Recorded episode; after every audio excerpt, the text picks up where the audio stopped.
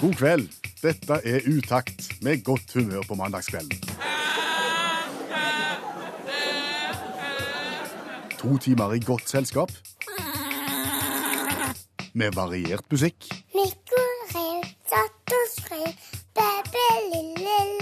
Per Øystein Kvindesland. Og Bjørn Olav Skjæveland.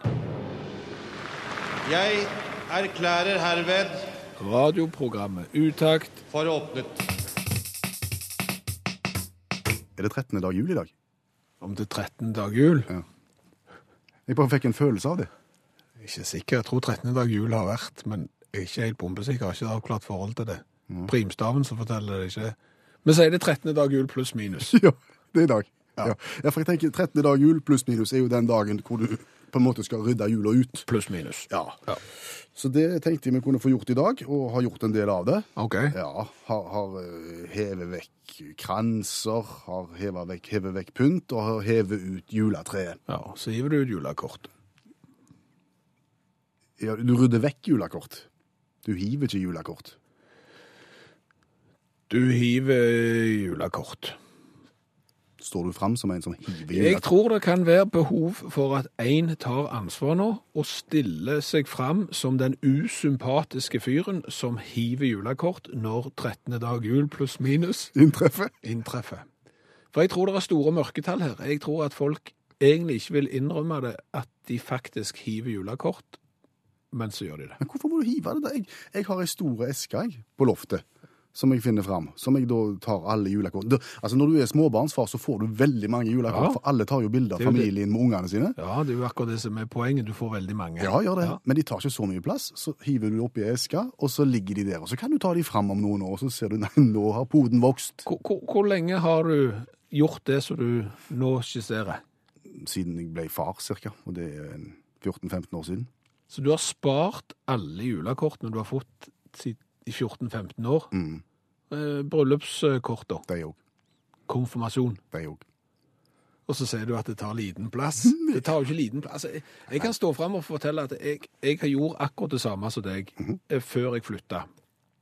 Men når vi flytta, så gikk den eska med alle de bryllupskorta, konfirmasjonskorta og julekorta. De kom ikke med videre.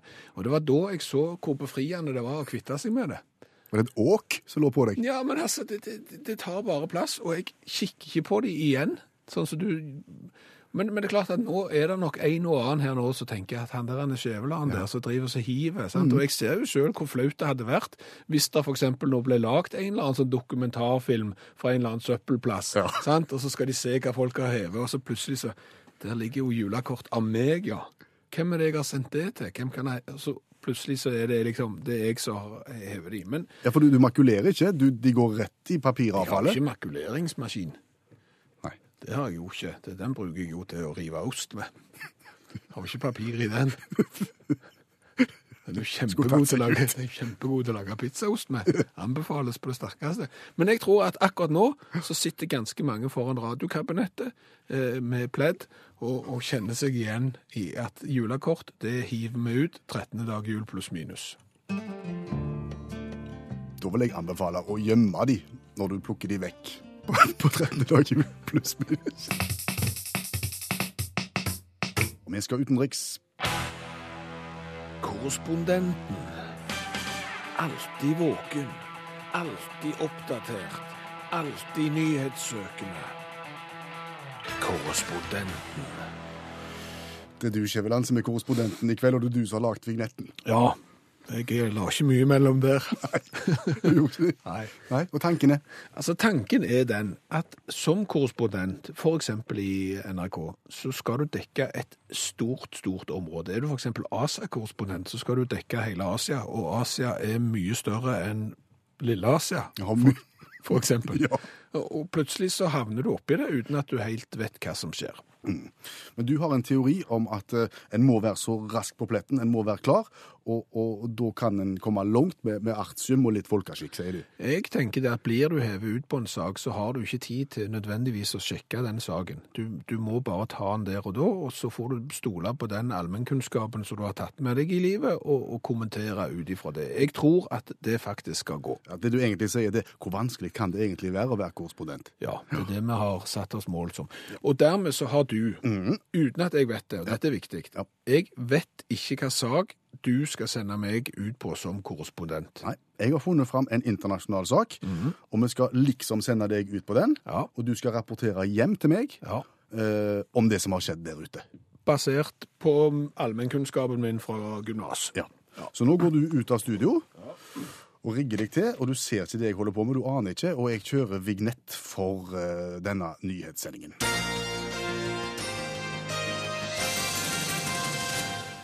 Ja, vi skal til Berlin i kveld, Bjørn Olav Skjæveland, der det Naturhistoriske museet har fått besøk av en sjelden gjest, en gedigen sådan.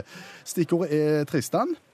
Tristan, ja, Ser godt. Tristan Biss ser godt in Berlin. Der berlinische zoologiske hagen har fått eh, en ny innbygger, for å si det sånn. Ja.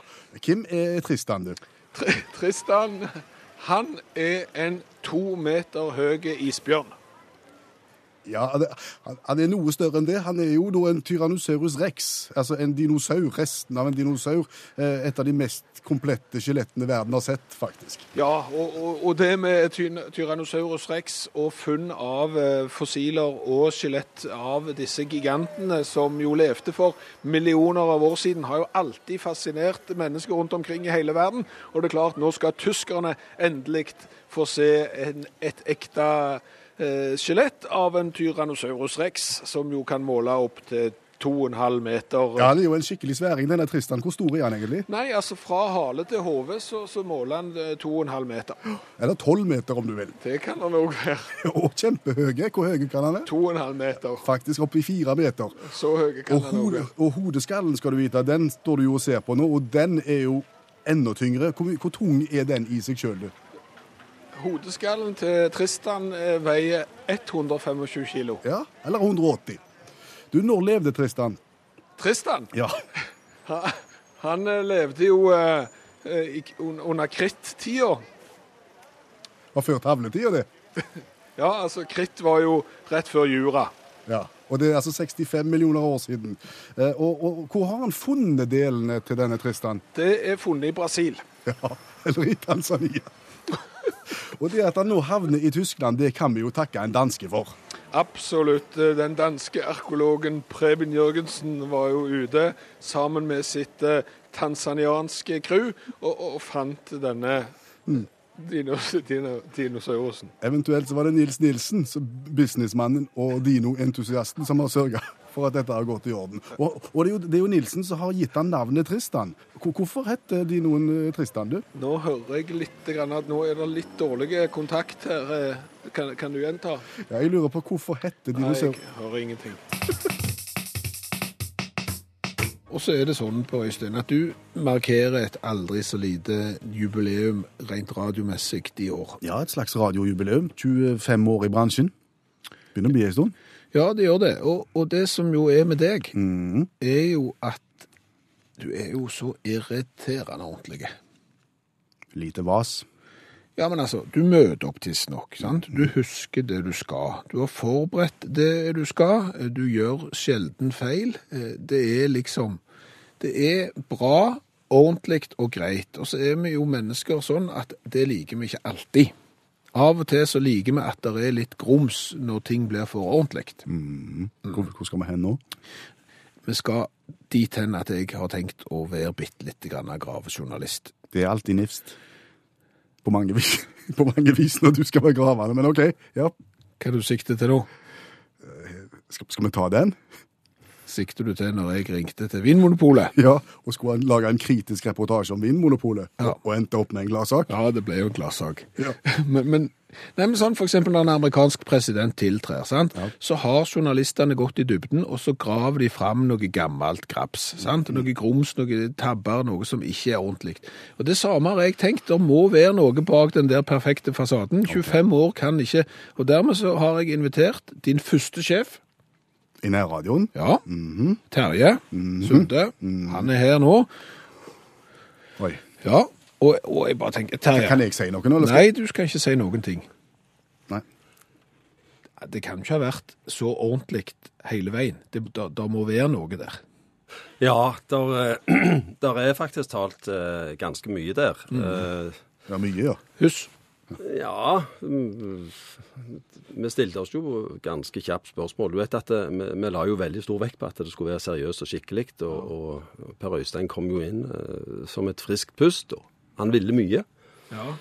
Men det er jo klart at uh, vi, vi begynte jo å lure uh, etter hvert. Eh, Han, han eh, hadde jo noen blundere her eh, som gikk helt fra elementære ting til, til rent radiotekniske ting, som, som gjorde at vi, vi ble litt ja, Hele vår troverdighet på en måte kom jo i et sånn et spesielt lys. ja hva, hva, hva, liksom, hva store tabber har han gjort i, i sin spede radiobarndom?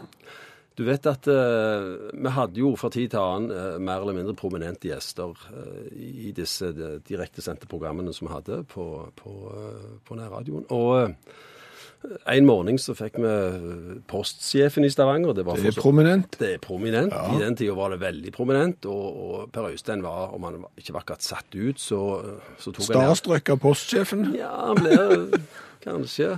Men hans oppgave Han tok jo, han tok jo veldig seriøst og, og, tok vel imot folk og, og ville gi dem kaffe. Det, det var veldig viktig. Vi hadde jo en Mokkamaster stående i, i et hjørne. Og Per Øystein han eh, trakterer jo denne her, vet du. og Postsjefen han sitter i et hjørne her og kikker på dette her, og, og Per Øystein kommer ut til meg da, og så i et annet rom og sier du må hjelpe meg litt. Grann. Den der kaffetrakteren den eh, får han ikke til.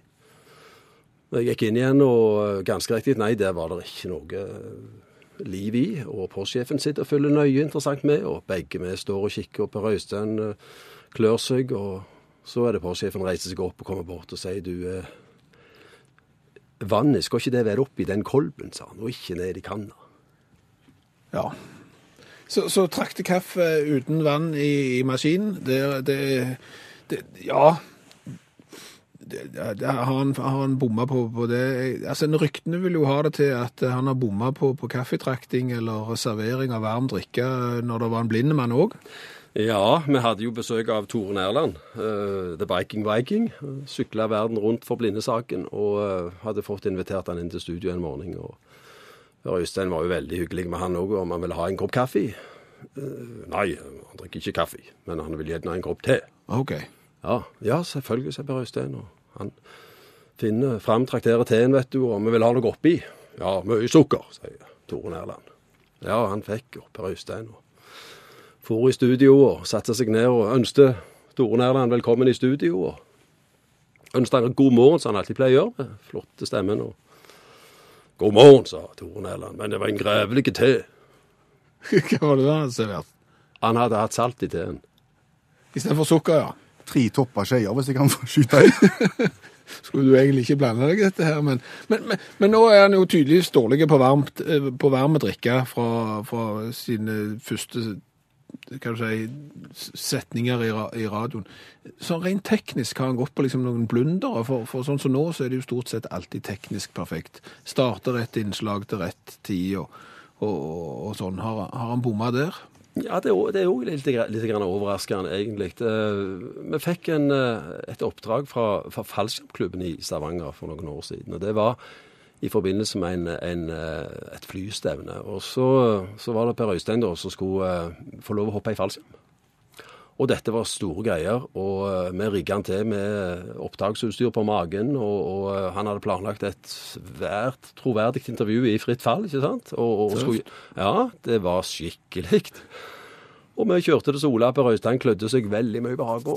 Det gikk veldig, og han var jo ganske gjesen og nervøs, tenker jeg. Og, men flyet gikk til værs, og, og Per Øystein hoppet ut, og hele svevet det forløp normalt.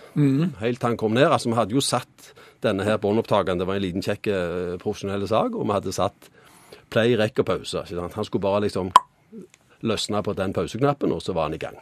Mm, det et bra intervju? Så kom han ned, og så, eh, og så gikk det ti sekunder, så begynte han å hoppe og danse, og så Nei! Så hadde han glemt å trykke av den pauseknappen. Opp til fallskjerm uten å ta opp? Har du hoppet i fallskjerm?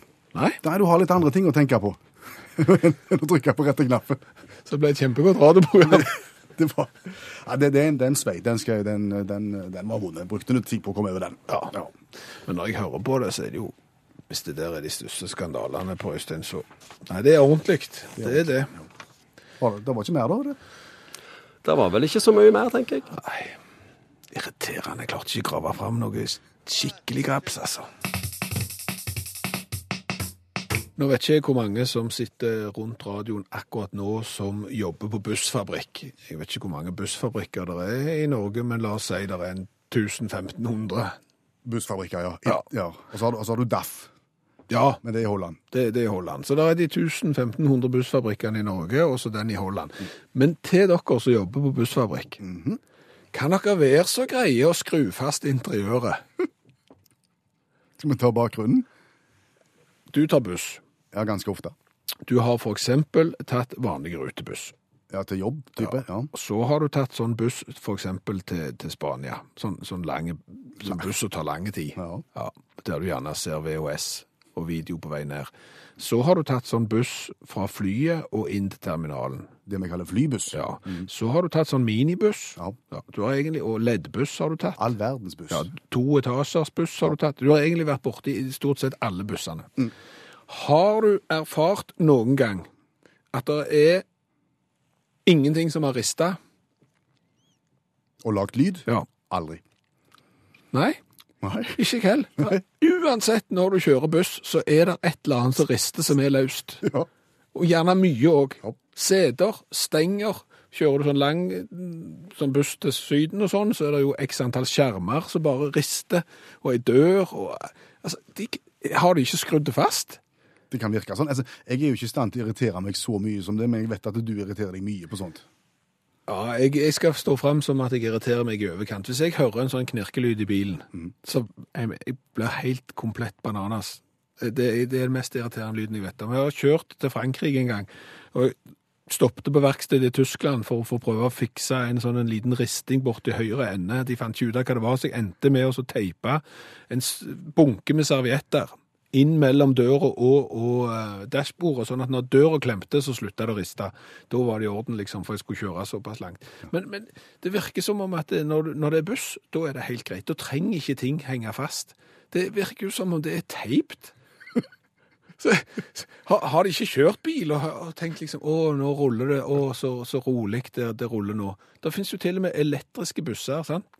I den byen vi bor i, så finnes det elektriske busser. De er jo så rolige, bortsett fra interiøret. For det rister. For det er restet. Det, det, så er det Ja, det det er bare til dere 1000-1500 som jobber på bussfabrikk. Pluss pluss dere på DAF. ja, begynn å gjøre jobben deres. Finn frem skiftenøkkelen og skru nå fast det der interiøret.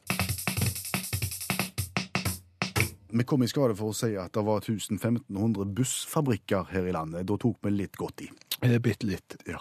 For nå fikk vi da en melding fra Jan Asle, som kjører buss. Eh, det fins faktisk ingen. De fleste busser ble lagt i Polen i våre dager, og han er også enig i at det, det skal ikke skramle. Han har kjørt en buss en gang som var uh, lagt i Finland. Den skrangla ikke. Så finnene kan det. Look to Finland. Ja, ja. Én buss ikke skrangler. Ja. Imponerende. Vi må ønske velkommen vår faste mandagsgjest, allmennlæreren med to vekttall i musikk, Olav Hove. Ja, han gjester oss for å fortelle om ting som vi sjøl ikke har greie på. Ja, og det er jo en del. Eksempel bussfabrikker i kongeriket. Tydeligvis. for å nevne noe. Men altså, han er jo en, en fremtidens mann, Hove, opptatt av teknologi og, og framskritt. Og, i disse dager så har det jo akkurat pågått ei svære teknologimesse i Las Vegas. Nettopp avslutta CES, en av verdens største teknologimesser. Den definerer på en måte hva vi skal være interessert i i det året som kommer. Ja, og jeg forstår, Hove, at smartteknologien den bare ruller videre. Nå er vi jo vant med smarttelefon, og nå det nye året er at alt annet skal være smart òg. Og det finnes ingen begrensning, kan jeg love dere. for nå er, Og det er mye rart. Smartsingletten kunne jeg ha nevnt, men jeg vil ikke ta fram den. Som, som måler pulsen din under trening, og søvnrytme, noe som gjør at det er kanskje lurt å ha to. Men iallfall, skal ikke gå djupt Smartsingletten, den, ja. Skal ikke gå så mye på smartsingletten. Vi nevner Hedel omtale til, til smartgraviditetstesten. Til? Smartgraviditetstesten. Jeg hadde jo håpet du skulle tisse på mobiltelefonen, da, og så kommer det opp en stripe eller ikke, men, men det er ikke så. Det, er, det er en app som følger med graviditetstesten, og så er alt analogt. Du tisser på pinne. Og så eh, våkner mobiltelefonen din og spiller litt sånn, eh, litt sånn eh, rolig musikk mens du kommer med tips til graviditeten. da. Eh, Tar ting på forskudd, da, kan du si. Mens du, mens du venter, da. Og så får du opp en sånn pling, og så kommer det. Congratulations! Ja, ikke sant? Og så var det gjerne Ja. ikke det du håpet på. Nei, ikke sant? Og hvis du får nei, så kommer det sånn bedre lykke til neste gang. Eh, Så, så eh, det går jo an å bruke den gamle òg, men det er klart når, eh, når smarttesten er kommet, så vil nok de fleste gå over til den da. LG har kommet med smartkjøleskap. Voldsomt greit. Du plotter inn hva du har inni kjøleskapet ditt. For det største problemet med kjøleskap er at du åpner det, ikke sant? For da kommer det varme inn, og så kan du forringe kvaliteten på maten. Nå står det jo på, på et display hva du har inne i kjøleskapet. Du bare plotter inn hva du har i kjøleskapet, så kan du lese på utsida hva du har inni det. Må du, må du fylle ut det hver eneste gang du setter inn Ja, torskeskap. Og og for å fullføre torskeskapet, så er det sånn at liksom på en, hvis vi tar Citroën-teknologi, at når du kommer ned kjøleskapet, så åpner døra seg.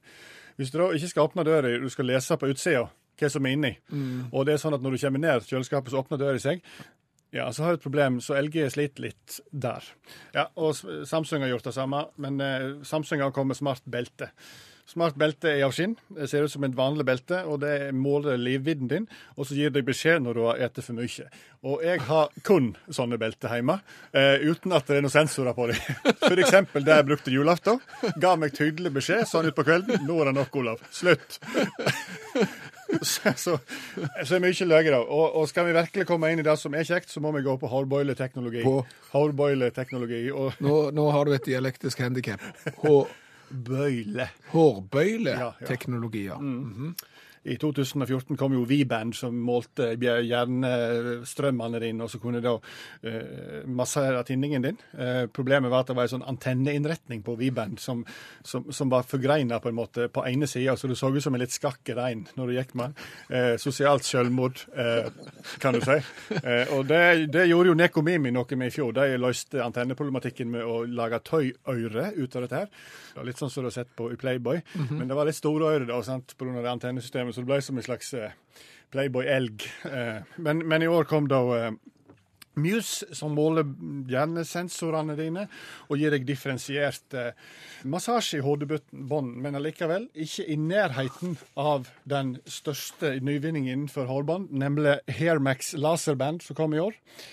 For 6000 kroner så kan du kjøpe deg en Hairmax. Eh, tenker tenk deg at du tar en eh, motorsykkelhjelm og, og, og lager ei flenge på 10 cm fra øre til øre i mintgrønt og setter den på hodet ditt. eh, Og under der, inni Hairmaxen, så er det en sånn medisinsk laser. Og så er det 135 hårvekststimulerende massasjetenner. Og de skal i lag, da, disse her, denne laseren og disse her tennene, de skal da stimulere dine døde hårposer, eh, eh, slik at de, virker, at de begynner å virke igjen, og du får hår. Så dette her er beregna på oss, da, som har lave sjampoutgifter. Og jeg skal investere 6000 kroner, syns jeg er helt greit. Ja, ja, Du kan skrive det av òg, sikkert. Det kan jeg helt sikkert. Hvor- eh, Må du gå med denne hjelmen på deg, da? Ja, Fra 90 sekunder til 90 minutter, det velger du sjøl. Jeg kan ikke gå på jobb med den, tror jeg, for det ser tosje ut. Men Skjæveland, har med i utakt budsjett til å kjøpe en sånn en hjelm til, til hodet? Ja, Prosjekt permanent til pinse. Kan du investere i det? Det er utrolig bra hvis vi klarer å få til dette her, tror jeg. Jo, men vi kommer aldri til å få hår på det hodet der til hodet om det smalt. Det kan bli vanskelig. Tusen takk, Olav Hove, allmennlærer med to vekttall i musikk. Skal vi avsløre hvem blir dagens konkurransedeltaker? Svar du. Ja, det ble Endre Haugrud, og det ble han fordi at han skrev følgende tekst i SMS-en til oss. Jeg vant ei fruktkorg når jeg var 11 år, er nå 64. Og har aldri vunnet noe siden. Nei, og da tenker vi at da er det greit å være med i Uttak sin spørrekonkurranse, for der får du premie enten du svarer rett eller feil. Husker du godt den kvelden når du vant fruktkorga, Endre? Ja, faktisk så gjør jeg det. Ja. Nå Jeg prater egentlig dialekter fra der jeg kommer fra, da. Aha. Jeg er jo oppe fra Valdres egentlig, men bor i Brumunddal. Har bodd utafor Valdres lenge. Men eh, jeg husker veldig godt. Det var på et eh, basar, som det heter oppi der, Ja. på Jomsborg. En liten sånn grendeplass. Og da vant jeg ei fruktkurv. Det var stort den gangen. ja, men det er faktisk stort eh, ennå, det. Det er jo et fast element. Det er åresalg og fruktkorg. Det må være med. Ja, ja, nei, men det var akkurat det det var, vet du. Så det, det var stort for meg den gangen, det. Da får vi se om nå, eh, 53 år etterpå, om vi kan toppe det hele med ei svart utakt-T-skjorte med V-hals. Nå skal vi gå kjapt gjennom eh, reglementet, Endre, hvordan denne konkurransen foregår. Jeg har foran meg 1, 2, 3, 4, 5, 6, 7, 8, 9 spørrebøker. Du velger et tall, eh, og vi tar et vilkårlig spørsmål. Svarer du rett, så får du gladjodling. Svarer du feil, så får du tristjodling. Og nå var du så utålmodig at du skal få lov å velge et tall mellom 1 og 9. Da tenkte vi sju. 1, 2, 3, 4, 5, 6, 7. Eh, Er Endre spesielt interessert i fotball? Nei! Oi sann. Det var dumt. For jeg, for jeg hadde et oppfølgingsspørsmål, og det var er du spesielt interessert i Haugesunds fotball, da? For jeg har en fotballquizbok her. 707 spørsmål og svar om Haugesunds fotball. Da, Ai, da, ai. kan, da kan vi like godt ta spørsmål nummer én. På side, Side én. side 1 og spørsmål 1. Ja. Da er vi spente. Hva spør vi om da? Ja, nå tror jeg du kan angre, for nå er du på Haugesundsfotballen i åra før 1960. Spørsmål 1. Hvem, hvem regnes som den første offisielle fotballklubben i Haugesund? Nei, men Det, det, det kan vel ikke være noe annet enn Haugesund fotball, det da. Jeg lurer på hvor i all verden fasiten er hører jeg. eh, la meg si det sånn. Jeg som, Svarene finner du på side 81. Ja. Da kan jeg si i mellomtida at eh, i utgangspunktet så var det jo gjerne tre fotballklubber i Haugesund. Du hadde Vard, du hadde Haugar, og du hadde Djerv 1919. Så svaret er jo ett av dem, vil jeg tro. Det vil du tro, ja. Kan du gjenta svaret ditt, Endre? Nei, men det- nei. eh, Jeg svarer Haugesund fotball, det skjønner du. Og det var Haugesunds så feil som det kan bli. Nei, det var så, nesten så rett at vi godtar det. Haugesunds fotballklubb stiftet i 1912. Og mannen som sitter her i studio og er fra Haugesund, han klarte det ikke. Nei, det- men i svarte Ja, det er imponerende. Det er imponerende. Det er en fruktkorg verdig. Eh, da er det åtte bøker igjen. Hva nummer skal vi gå på nå? Nei, men da tenker vi nummer tre. Da tar vi nummer tre. Det er da Barnas egen spørrebok nummer ni fra 1965. Og Den bør jeg ha. der bør du Da var du født. Da var du i fruktkorgland, nesten alder da. Ja, det, det var akkurat rundt omkring der. Da, da tenkte vi side to. Side to. Du liker deg best i starten. Ja, Ja. ja. Og så, Men da kan vi ta det siste spørsmålet i side to. ja Hva heter foreldrene til den lille babyen Pebbles, som dere kjenner fra TV og en tegneserie? Har ikke peiling.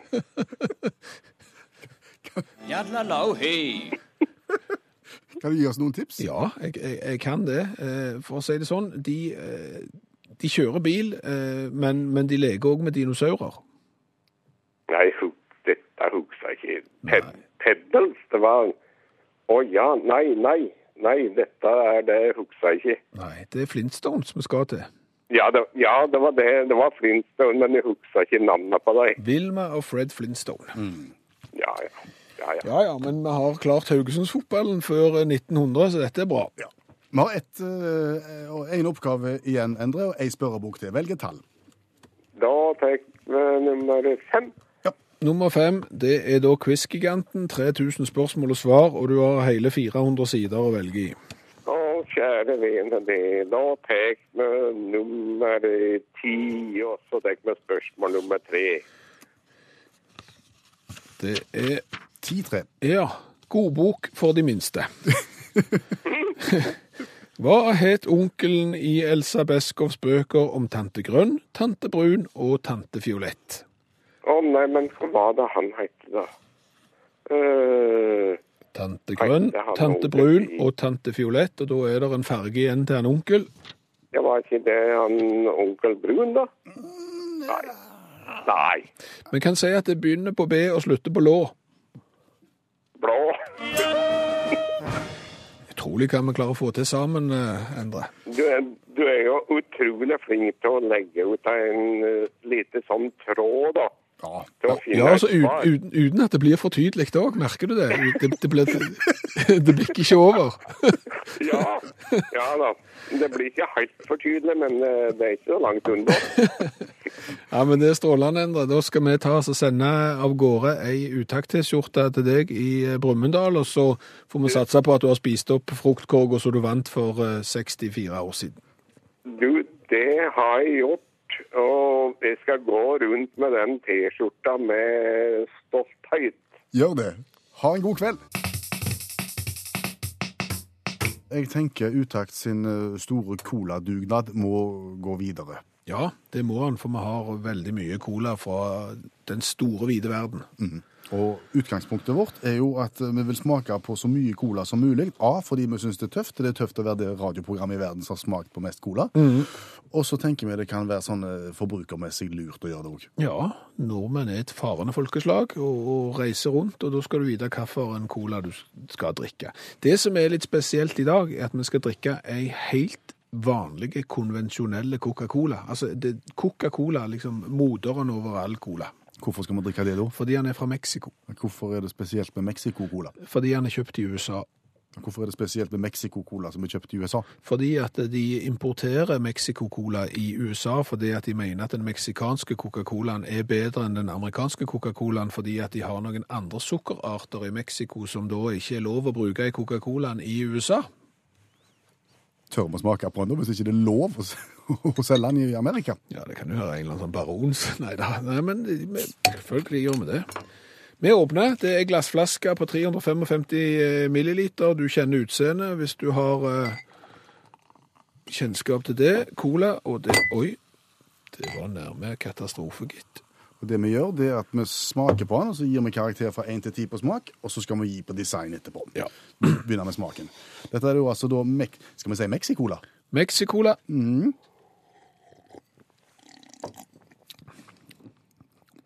Oi.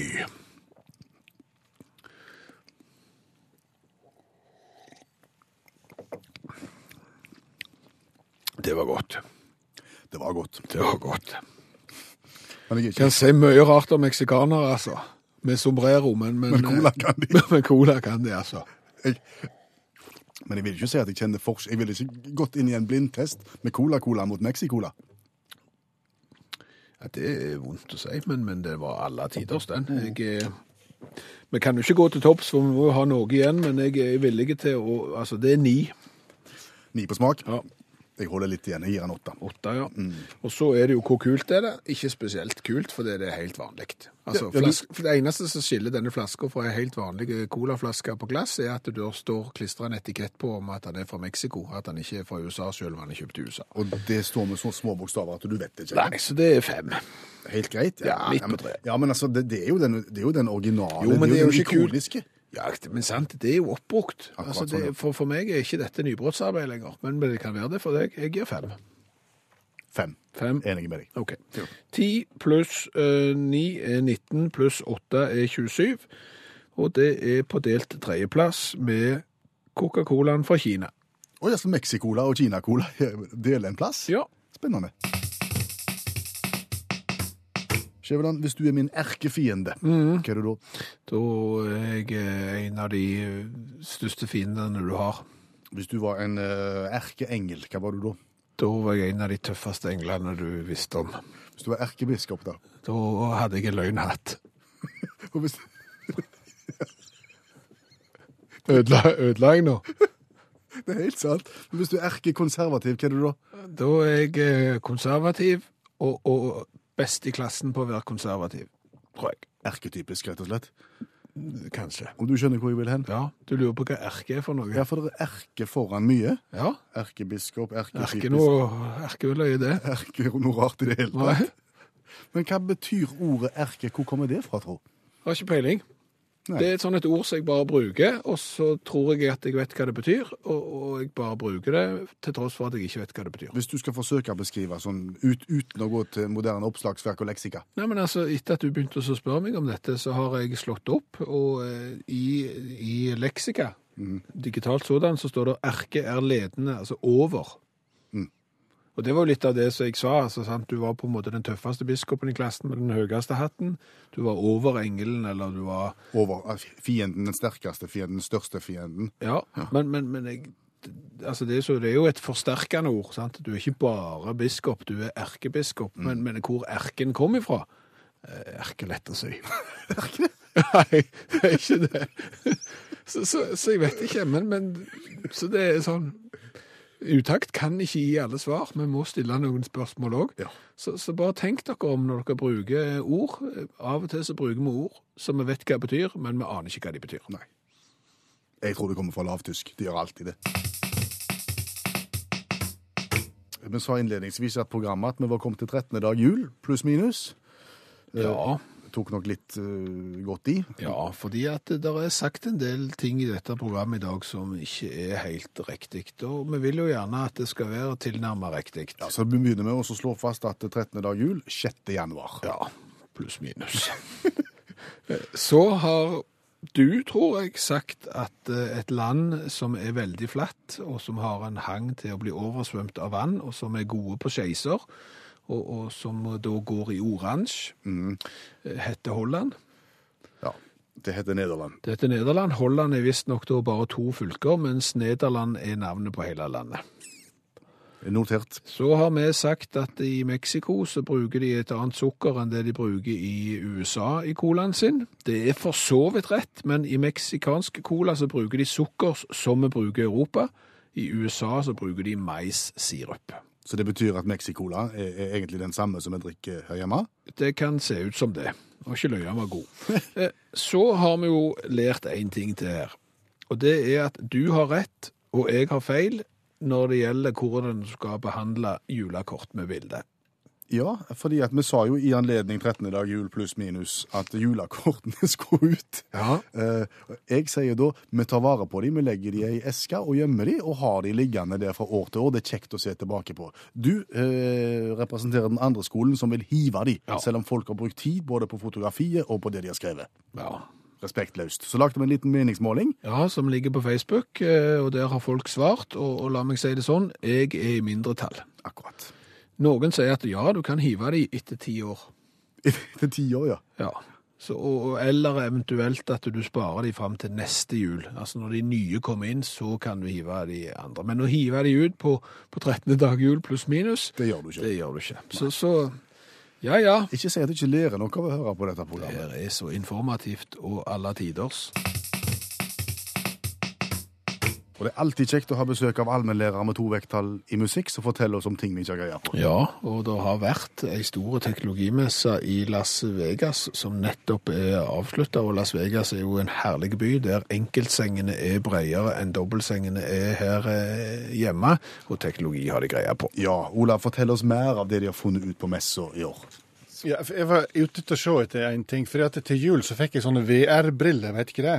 Nei. Det er sånn I stedet for å se på fjernsyn, så tar du fjernsynet på deg Ja. som briller. Ja. Ja. Det fikk jeg til jul litt uforberedt. Eh, Gjorde du det? Ja. Og det, ja, det, det er litt skummelt, skjønner du. For jeg, jeg fikk dette her, monterte det, lasta ned det jeg skulle laste ned, og tok det på sånn tredje juledag, mens julefreden fortsatt var over heimen og familien. Eh, eh, trykte på start og befant meg da på bakkenivå på en amerikansk by på kveldstid. Ble da røska opp i lufta. Eh, og, og befant meg plutselig langt, langt over eh, byen. da. Eh, Kikka ned og kunne da se rundt omkring på lyset. Ganske stilig. Når jeg da kikka opp igjen, så kom det en relativt irritert mann flygende mot meg. Og når det kommer relativt irriterte menn flygende mot deg, så vil du jo beskytte deg sjøl, da. Så jeg begynte å veive med armene og enda opp med at jeg omfavna min litt heite vedovn hjemme. Brann meg både på VR og fingrene og alt det der, og fikk tilbakemeldinger fra familien at de la en demper på julefreden. Og var nokså så ordentlig tosje ut. Så sett når de kjøper dere VR-briller, det må jeg anbefale. dem. Nå er det kommet en VR-ergometersykkel. Det betyr at du eh, har på deg disse litt toskne brillene, og så sitter du på sykkelen og trør. Kjempesmart, ikke sant? Og da kan du eh, eh, Visum heter den. Du kan da eh, eh, kjøre NASCAR, Formel 1 og rally med disse her. Du Mens du sitter på, på sykkel. ja, så det er raskere du trør, det fortere kjører du. Du kan jage banditter på hesteryggen i Ville Vesten. Og du kan fly på Pegasus over Eventyrland. Jeg fulgte med på pressekonferansen når de presenterte ergometersykkelen, og da kom det spørsmål fra salen. Fins det, finnes det mulighet for å sykle liksom gjennom et landskap, la oss si på den franske riviera? Nei, det hadde ikke de tenkt på.